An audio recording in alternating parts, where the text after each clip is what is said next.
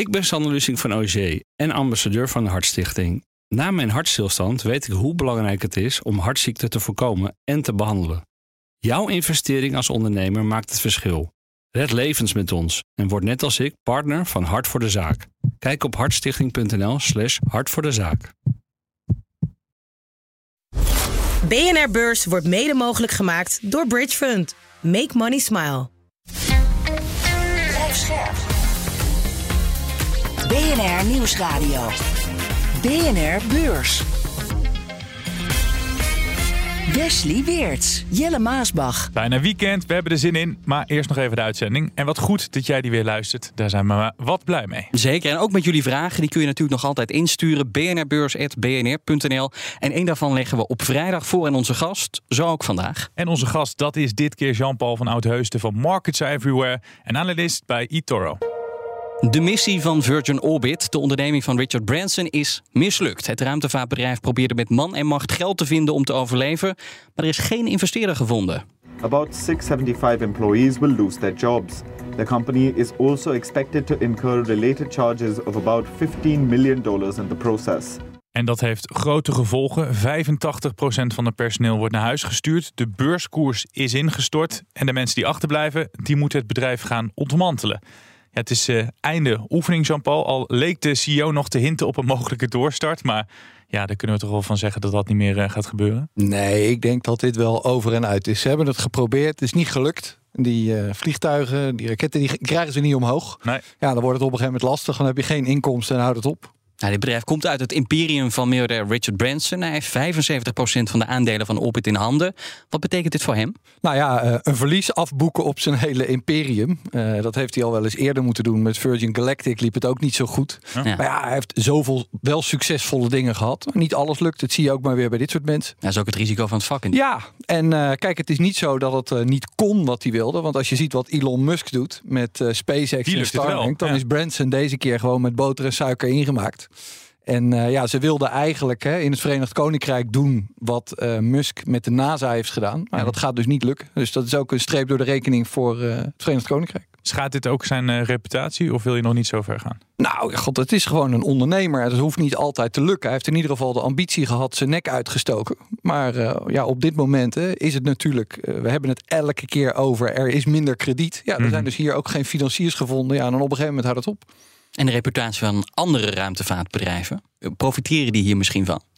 Nou ja, god, dat is natuurlijk ook weer zo'n hele brede sector. Kijk, waar het vervelend voor is, is voor de relatief jonge bedrijven die dachten van hé, hey, ik kan mijn satelliet meegeven met Virgin Orbit en ja. dan mijn onderzoek doen. He, want uh, dat is wel iets waar je dan afhankelijk van bent. Ja, dat gaat dan niet door. Dus dat is wel lastig. Maar dat die hele ontwikkeling in de ruimte doorgaat, ja, dat leidt geen twijfel. Dus dat gaan dan andere bedrijven doen. Ja, en je haalde net terecht SpaceX van Elon Musk aan. Want Musk doet af en toe wel eens gekke dingen. Maar dit is echt een, een succesverhaal. Die lijkt wel de grote winnaar te worden als je al die miljardairs bij elkaar ja, op een rijtje zet. Die heeft zo'n busdienst dat die satellieten van anderen meeneemt. Ja. Dus voor zijn eigen Starlink, maar ook voor derden. Nou ja, misschien dat ze die gaan bellen. We hadden heel veel analisten afgelopen tijd ook in de uitzending. Ging het ook over dit bedrijf? Die waren niet heel enthousiast over ruimtevaartaandelen. Zou jij het aandurven, investeren in dit soort bedrijven? Nou ja, kijk, aandurven, aandurven. Kijk, ik, ik heb de afgelopen jaren. Dit is typisch zo'n bedrijf. Uh, toen je in die coronaperiode heel veel jonge beleggers had die naar de beurs gingen. Ja, die houden allemaal van mooie verhalen. En die dachten, wow, weet je, dat gaat dan gebeuren. Ja, het is natuurlijk super risicovol, omdat het gewoon niet bewezen is. Dus je kunt best wel een paar van die bedrijven hebben, maar je moet er niet te veel van hebben. Want dat zie je, dit is ook zo'n bedrijf wat met zo'n spak naar de beurs gegaan is. Ja, eigenlijk op een gegeven moment gewoon veel te. Het was op een gegeven moment 3 miljard dollar waard. Ja, voor een bedrijf wat geen inkomsten heeft, is dat toch ontzettend veel. Dus je, je, moet wel weten waar je aan begint. Nou ben jij ook nog best wel jong, Jean-Paul. Word je dan toch een beetje enthousiast van dit soort aandelen? Nou ja, kijk, op het moment dat, dat, dat je het doet op het sentiment. Toen ging het natuurlijk op een gegeven moment heel lekker. Maar als je op een gegeven moment hoort de rente gaat verhoogd worden. Ja, dan weet je dat groeiaandelen het moeilijk krijgen. Ja, dan moet je wel heel erg voorzichtig zijn. Dat is natuurlijk niet het enige voorbeeld uh, wat we hebben gezien. Ja, dan nog ander nieuws. Eh, hoe kan het ook anders? Inflatie, het gaat om de eurolanden. Want de inflatie daar is gedaald. Maar de kerninflatie, dus zonder energie en voedsel, die is niet gedaald. En dat is het cijfer waar de centrale bank vooral naar kijkt. Die steeg naar 5,7% in maart. De maand ervoor was het nog 5,6% En Jean-Paul, jij, jij hebt altijd een beetje de pech dat die cijfers altijd komen als jij te gast bent. Heb je er nog iets aan toe te voegen? Of zeg je, ik heb alles al gezegd in de vorige uitzendingen? Weet je, de inflatie is hoog, blijft hoog. Daar laten we het bij. Dan nog nieuws uit Duitsland. Dat staat bekend om zijn auto-industrie. Maar er worden steeds minder auto's gebouwd, schrijft Handelsblad.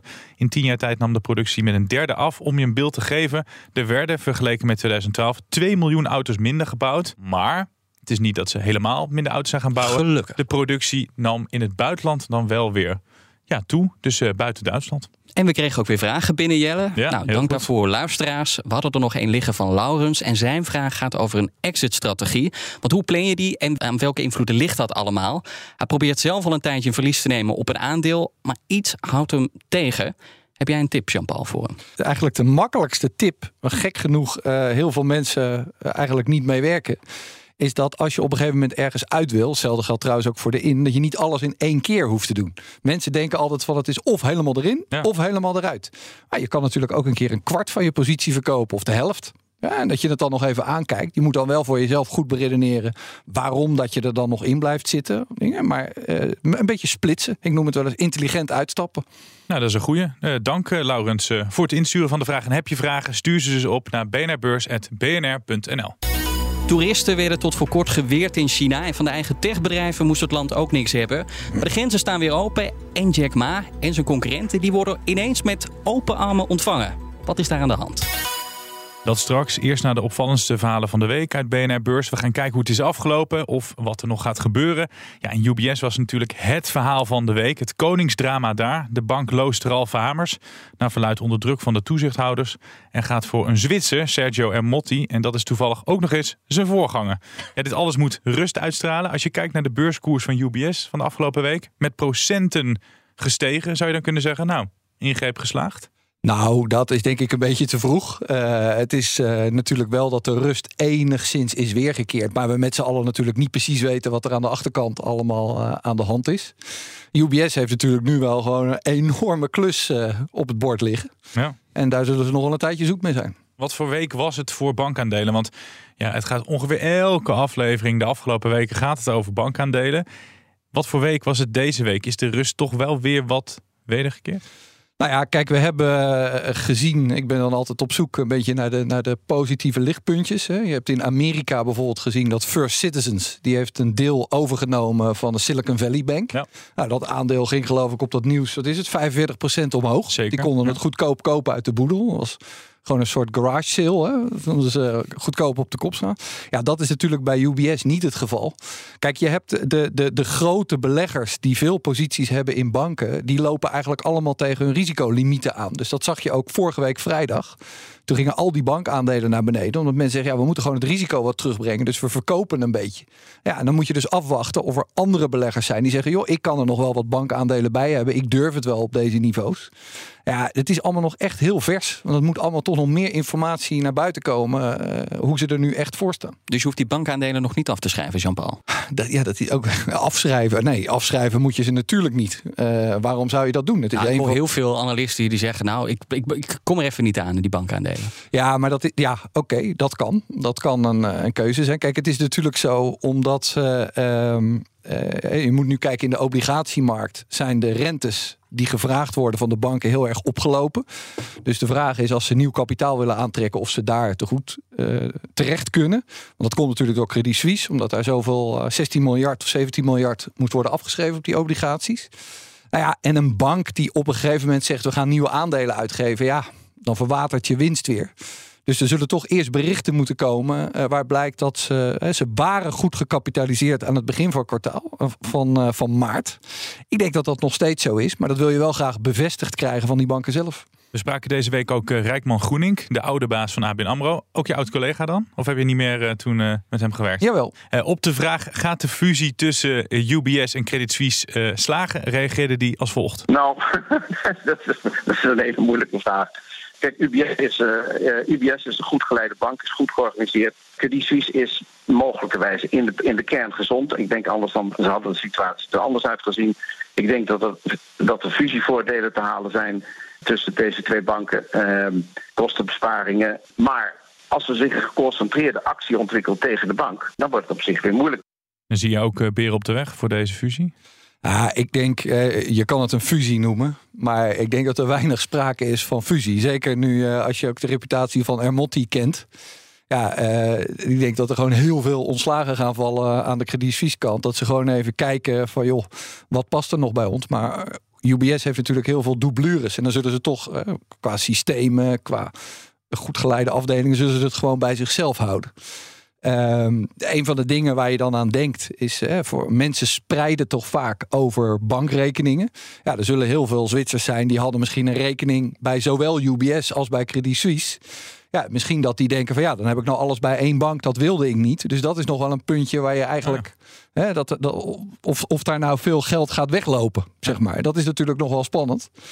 Maar voor de rest, ja, ik denk die, uh, die Ermotti, dat is een safe pair of hands. Uh, die gaat wel zorgen dat er dadelijk gewoon weer een sterk UBS staat. Maar er was meer bankennieuws. Zo was er een hoorzitting in de Amerikaanse Senaat vanwege de ondergang van Silicon Valley Bank en Signature Bank. Toezichthouders hebben van zowel Democraten als Republikeinen harde kritiek gekregen. En er werd onder meer gezegd dat je geen accountant hoeft te zijn om erachter te komen wat daar aan de hand was. Jean-Paul, hebben toezichthouders steken laten vallen? Nou ja, dat kan ik zo niet beoordelen. Want het management heeft daar steken laten vallen. Maar het is natuurlijk uh, zo'n zo'n senaatzitting is verschrikkelijk politiek getint. Want in 2018 of 19, hè, onder Trump, zijn precies die regels voor die groep banken die zijn versoepeld. Ja. Dat ze zeiden bijvoorbeeld een stresstest, dat is nog maar nodig één keer in de twee jaar. Ja, eh, als toezichthouder kan je dan aan de ene kant zeggen: ja, wij komen toch elke maand even langs. Maar ja, als dat, als dat niet de regel is, dan is de vraag in hoeverre je wordt toegelaten. Ja, het is ook een beetje een showtje natuurlijk, eh, zo'n eh, zo'n hoorzitting. Alleen verwacht je ook echt daar iets van? Volgen er straffen, sancties of andere ingrepen uit? Nou ja, Amerika zou Amerika niet zijn als dat niet zo was. Maar kijk, het, de basis is natuurlijk wel... als in korte tijd de rente zo hard oploopt... dan moet je natuurlijk een extra stresstest doen. En dan ben je natuurlijk ook geen goede toezichthouder als je zegt, joh, dat doen we volgend jaar wel een keer. Ik bedoel, dat hebben we ook in, uh, in Engeland gezien met de pensioenfondsen. Je moet natuurlijk overal kijken van hoe sta ik ervoor. Maar dat is in eerste instantie de verplichting van het management zelf. Ja, ik ga het uh, weer over auto's hebben, want het is uh, definitief. Vanaf 2035 komt er een verbod op de verkoop van nieuwe auto's die CO2 uitstoten. Al heeft Duitsland een geitenpaadje gevonden. De e-fuel, oftewel de synthetische brandstoffen, die mogen nog wel. Dan ben ik heel benieuwd, Jean-Paul. Sloopt Europa hiermee de eigen auto-industrie of niet? In principe, als je een gelijk speelveld wil hebben, moet je het eigenlijk over de hele wereld hetzelfde doen. Uh, in ieder geval in je, in je eigen gebied. Maar het, het maakt het er allemaal niet makkelijker op. Uh, het begint in de basis ermee dat we in Europa gewoon beduidend hogere energiekosten hebben. Dat, dat uh, hadden we uh, tot uh, eind 2021 niet, nu wel. En dat is nog steeds niet gelijk getrokken. En dat is uh, in ieder geval een concurrentienadeel. Ja, als je er dan ook nog weer extra belastingen op krijgt. Ja, hmm. Je zou zeggen, als je een, een, nieuwe tak van sport wil hebben met die elektrische auto's, dan moet je mm -hmm. juist eigenlijk een lage rente hebben. Zorgen dat die kosten laag zijn, dat je het helpt ontwikkelen. Dat zal nog moeten blijken. Ja, want als je kijkt naar Ferrari, een succesverhaal op de beurs, uh, bedreigt dit CO2-verbod dan de toekomst van dit soort aandelen? Ja, kijk, het, het, ligt allemaal nog heel ver weg. Hè. Ik denk eerlijk gezegd, maar ja, dat zal de toekomst leren. Dat, je ziet het ook bij de stikstofdiscussie. Dat er ook mensen in de auto-industrie zijn die denken: nou, 2035, tegen die tijd kan er politiek nog zoveel veranderd zijn. We zullen nog wel eens even zien of het zover komt. Uh, merken als, als Ferrari en Porsche. Ja, die zijn natuurlijk eigenlijk altijd zoveel gevraagd. Uh, die komen wel, wel bovendrijven andere merken die uh, ja, een, een kostennadeel hebben, ja, die zullen het wellicht moeilijk krijgen. Nou, wat mij vooral verbaasde is, hè, want het gaat bijvoorbeeld over e-fuel, maar dat is nu nog haast niet beschikbaar en hartstikke duur. Uh, we hebben onvoldoende grondstof hier in Europa om al die batterijen te maken. En dan denk ik, ja, dan komen we met een CO2-verbod, maar we hebben niet eens de grondstof en de alternatieven. Is dat niet hartstikke ondoordacht? Nou ja, ik ben het daar wel mee eens. Dus het is, uh, nou ja, ondoordacht wil ik niet zeggen. Het is, het is alleen zoveel idealisme en er moet allemaal wat meer realisme in. Dat je dus met elkaar kijkt. Ze hadden natuurlijk, als je zo'n plan hebt moet je het eigenlijk vooraf met de auto-industrie bespreken. Van jongens, zijn we het eens dat we die kant op willen? Dit is natuurlijk toch een beetje opgelegd. Ja. En dan moet de industrie maar kijken van hoe gaan we het hiermee redden. Maar ja, als ze niet zelf die kant op bewegen, dan moet je misschien wel een beetje druk, druk uitoefenen. Ja, en dan krijg je dus dadelijk eh, met name uit Azië een hele batterij, hele goedkope auto's. En dan moet je dan weer eh, tarieven op gaan zetten of zo. Om dan, weet je, het wordt allemaal zo moeilijk. Nou, dan nog iets anders, want het was ook de week van het Leidse Farming. Dat biotechbedrijf bestond ineens de Verenigde Staten. Want het heeft een goedkeuring gekregen voor medicijn op de Amerikaanse markt. En het gaat om een middel dat wordt gebruikt voor mensen die kampen met APDS. Patiënten met die ziekte die hebben een defect aan hun immuunsysteem, waardoor ze vaak infecties hebben en ook een sterk verhoogde kans op lymfeklierkanker lopen. Ze verwachten de jackpot. Jij ook? Dit is nou zo'n zo'n segment. Ja, ik heb daar helemaal geen verstand van. Gewoon Ja, van dus- biotech in de algemene zin. Ah, dat is, ik, ik heb dat wel eens proberen te volgen, bijvoorbeeld rondom Galapagos destijds. Maar ik ben over het algemeen, weet je, dat is allemaal zoveel vakjargon. Ik kan dat helemaal niet op waarde schatten. Nou, toen was Ja, je dus- denk ik wel blij dat je niet ingestapt was. Ja, nou ja, aan de andere kant, hè, kijk, het ging natuurlijk een hele tijd waanzinnig goed. Het was de lievelingsaandeel op de beurs. Ja, Ja. En toen op een gegeven moment toen kregen ze die goedkeuring niet. Ja, dat is hier ook een beetje nullen en enen. Eh, het is natuurlijk fantastisch als het lukt, omdat het gewoon een heel groot eh, eh, ja, doel dient, zeg maar. Ja. Maar om in te schatten of het wel of niet gaat gebeuren, is toch een beetje nul en enen werkt dit. BNR Beurs. Het was de week van China. Ja, zeker, dat kun je wel zeggen. Heel veel nieuws uit dat land. De socialistische markteconomie bestaat 30 jaar. Alibaba die wordt eh, in zessen opgebroken. Jack Ma die werd gezien. En Tesla verloor ook nog marktaandeel in China, terwijl ze daar toch de prijzen verlaagden. En dat kwam allemaal als een, als een verrassing. En dat deed me een beetje denken aan de serie The Office. Heb je dat wel eens gezien? Ik? Nee, Nee? ik heb hem nooit gezien. Nee. Dat is eh, waarin eh, Michael Scott ineens bedenkt dat China de wereld gaat overnemen. Everything here was made in China, Pam. Yeah, it's where they make stuff. They used to make stuff in America, Andy, but we're falling behind. Did you know that? China is a sleeping dragon that is just beginning to stir. Oh no. Anybody read the news anymore? Jean-Paul, je vertelde eerder dat je wel enthousiast bent over Chinese aandelen. Je krijgt nu zes Alibaba's terug. Jouw eh, week kan niet meer stuk, denk ik. Nou ja, kijk, het is wel interessant. Het is met name interessant omdat er in Amerika al weet ik het hoe lang eh, gesproken wordt over het opsplitsen van eh, technologiebedrijven, die big tech bedrijven. Ja, en in China doen ze het gewoon. Ze zeggen ze gewoon, huppakee, doorpakken, want we hebben niet de hele tijd de tijd. Eh, ja, het wordt wel boeiend. Het zijn denk ik zes eh, mooie onderdelen, waarvan er eentje, de, de Chinese binnenlandse retail, is by far het grootste, twee derde. Ja, en het wordt interessant om te volgen hoe die andere vijf het gaan doen. Ja, want al die onderdelen krijgen een aparte beursnotering. Wat voor soort bedrijven kunnen we eh, verwachten? Nou, zover zijn we nog niet. Dat is een mogelijkheid. Want die moeten natuurlijk allemaal geld ophalen. Aha. Want ehm, ja, dat kregen ze misschien eerst van het moederbedrijf. En nu moeten ze de eigen broek ophouden. Maar als je kijkt, je hebt dus de, de Chinese retail. Ja, dan hebben ze nog een onderdeel, eh, wat je zou kunnen zeggen, een soort Chinese Netflix. Dat krijgt een aparte eh, notering. Ze hebben nog een soort Chinese Just Eat Takeaway. Daar is uh, Meituan de grootste. Maar Alibaba heeft dat ook. En dan hebben ze de internationale tak. Dus zeg maar even voor het gemak de AliExpress. De wereld over gaan. Heel interessant onderdeel vind ik uh, de, de internationale logistiek. Want dat hebben ze echt helemaal geautomatiseerd met robots en dingen.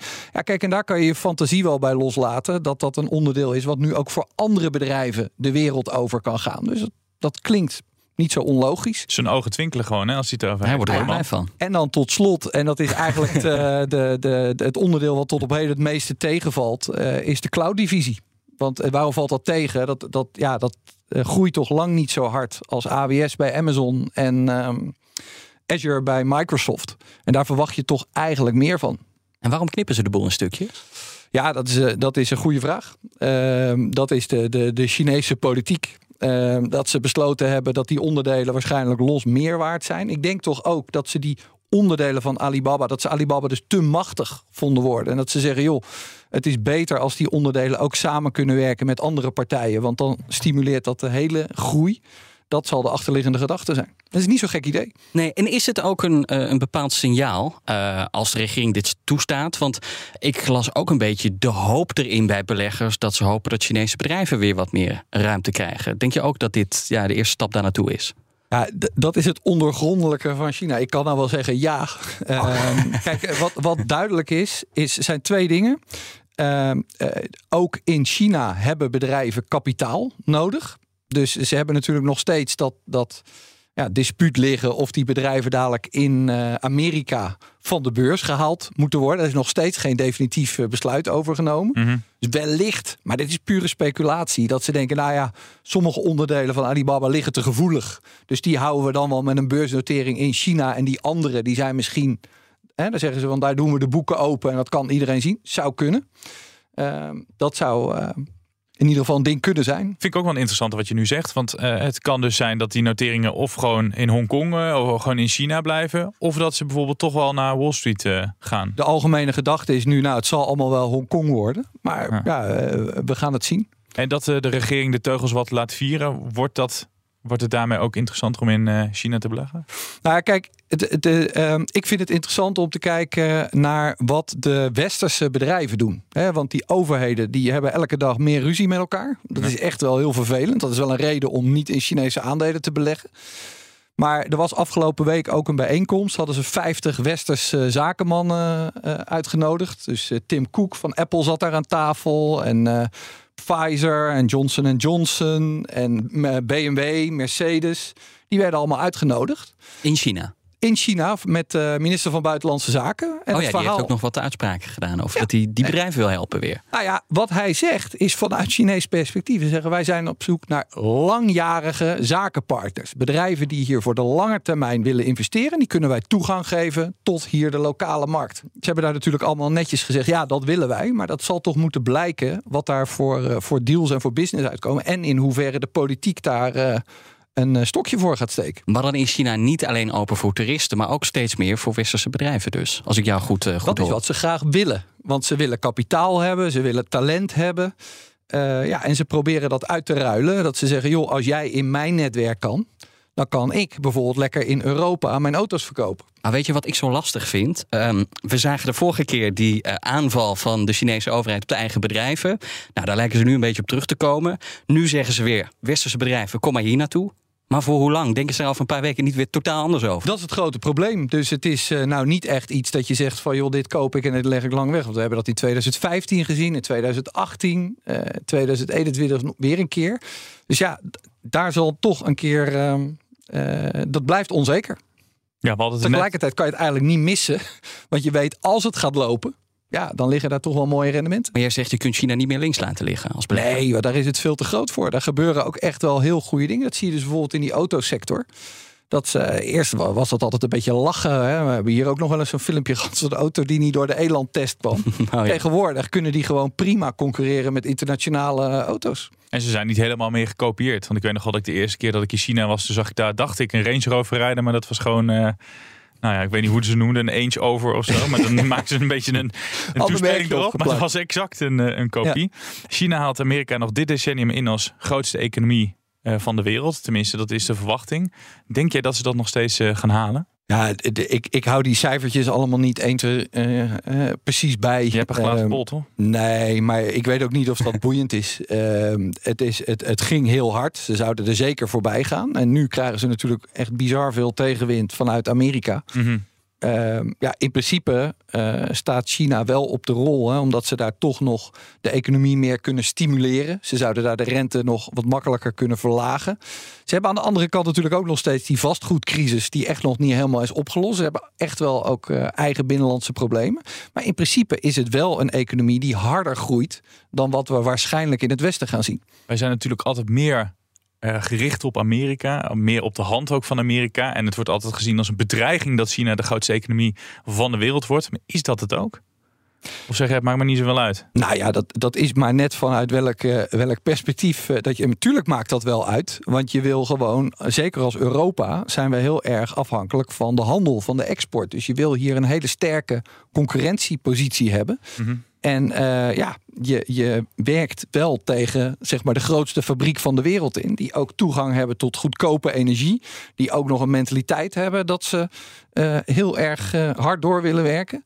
Dus het is een geduchte concurrent. Dus daar moet je zeker wel op letten. Nou, toen jij, Jelle net zei van worden ze dit decennium nog de grootste, toen zei je die cijfertjes maakt me niet zo heel veel uit. Maar voor China zelf, is het echt China's doel om de economie van de wereld te worden? Of draait het ze veel meer om macht op militair en technisch vlak? Nee, het doel van, van China al eh 40 jaar lang is om de welvaart van hun eigen volk te vergroten. Ja, dat, is is het verhaal naar buiten sociale toe. Ja, is verhaal naar buiten toe. Maar is dat op de achtergrond ook echt wat ze willen? Nou ja, dat, dat is wel. ehm, ja, ik, ik denk dat dat wel een hele belangrijke factor is. Want als je dat niet doet.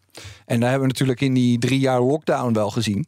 Ja, dan moeten ze uitkijken dat, dat het volk ook eh, niet gaat muiten. Zeg maar. Nee. Dus dat zullen ze wel op één zetten. Maar ze kunnen dat niet alleen maar halen vanuit de binnenlandse economie. Ze zullen ook gewoon zaken moeten doen in het buitenland. Om te zorgen dat ze er, eh, erop vooruit gaan met z'n allen. Het is eh, vrijdag net voor het weekend en ik wil je toch nog even een complimentje geven. Want je hebt eerder al een keer eh, eh, gehad over die Chinese elektrische autobouwers, over BYD, dat het een sterke speler is. En dat zagen we nu ook aan de cijfers. Wesley vertelde het net al. Tesla ingehaald de BYD. Hè? Tesla verliest marktaandeel terwijl ze de prijzen verlagen. En BYD wordt alleen maar sterker. Waarom doen die lokale merken het daar eh, zo goed? Ja, daar moet ik eh, Wesley dan toch even tegenspreken. Want Tesla is niet achteruit gegaan. Die zijn eh, in 2022 hadden ze 7% marktaandeel in China. En nu, dit jaar, is het voorlopig 10%. Ja, alleen ten opzichte van de rivalen, die zijn veel harder gegroeid. Want BYD BYD, heeft nu 40% van de markt in, eh, Ja. in handen. BYD en Tesla doen het beide bovengemiddeld goed ten opzichte van andere merken. Ja, daar kunnen we een hele aparte uitzending aan wijden. Maar kort gezegd, zij hebben allebei gewoon een enorm kostenvoordeel. Ja, omdat ze gewoon eigenlijk bijna alles in-house doen. BYD is ooit gemaakt, eh, gestart als bedrijf voor batterijenmaker. Ja, een batterij is gewoon het allerduurste onderdeel van zo'n elektrische auto. Dat hebben zij in-house. En Tesla is inmiddels ook al zover dat ze daar gewoon eh, ja, eh, echt wel wat in de pap te brokkelen hebben. En dat hebben die andere bedrijven niet. Maar denk je dat die Amerikanen, dus Tesla, nog eh, ja, die achterstand in gaan lopen op de Chinees? Of denk je dat BYD en die rivalen op voorsprong blijven daar? Nou, dat, dat zal moeten blijken, maar ik denk niet dat ze heel snel gaan inlopen. Want eh, kijk, dat kan natuurlijk alleen maar als je de soort wet van de remmende voorsprong hebt. Maar het in elkaar klussen van zo'n auto, ja, dat is niet het allermoeilijkste. Zo'n auto begint eigenlijk steeds meer op een mobiele telefoon te lijken. Dus die, die, die, eh, ze werken bij Tesla bijvoorbeeld ook met zo'n gigapress. Dat is overigens zit nog wel een klein risicootje aan. Maar dat wil zeggen dat ze dus niet meer alles in de fabriek in elkaar sleutelen. In 70 onderdelen waar je allemaal robots voor nodig hebt. Maar het komt eigenlijk gewoon in een heel groot casco komt het aan. Ja. Eh, andere bedrijven zijn bij lange na niet zover dat ze een productielijn hebben waar ze dat ook doen. Vind je het erg dat ik hem een compliment heb gegeven nu die jou zo eh, genadeloos eh, Wat mee. of op de We zijn, plek we zijn vrienden. maar we gaan er wel een keer een uitzending misschien aan wijden. Ja, Dat is hartstikke leuk.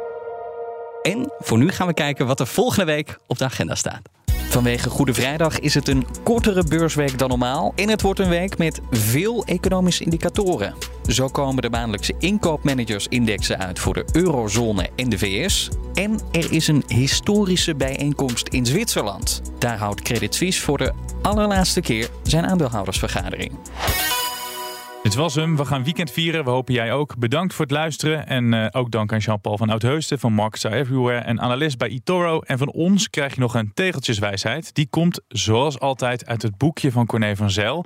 Bedenk goed welke aankopen je doet. Je moet niet op iedere opportuniteit springen die voorbij komt. Je bent al in Sinterklaas-stemming. eh. Tot maandag. Tot volgende week. BNR Beurs wordt mede mogelijk gemaakt door Bridge Fund. Make money smile.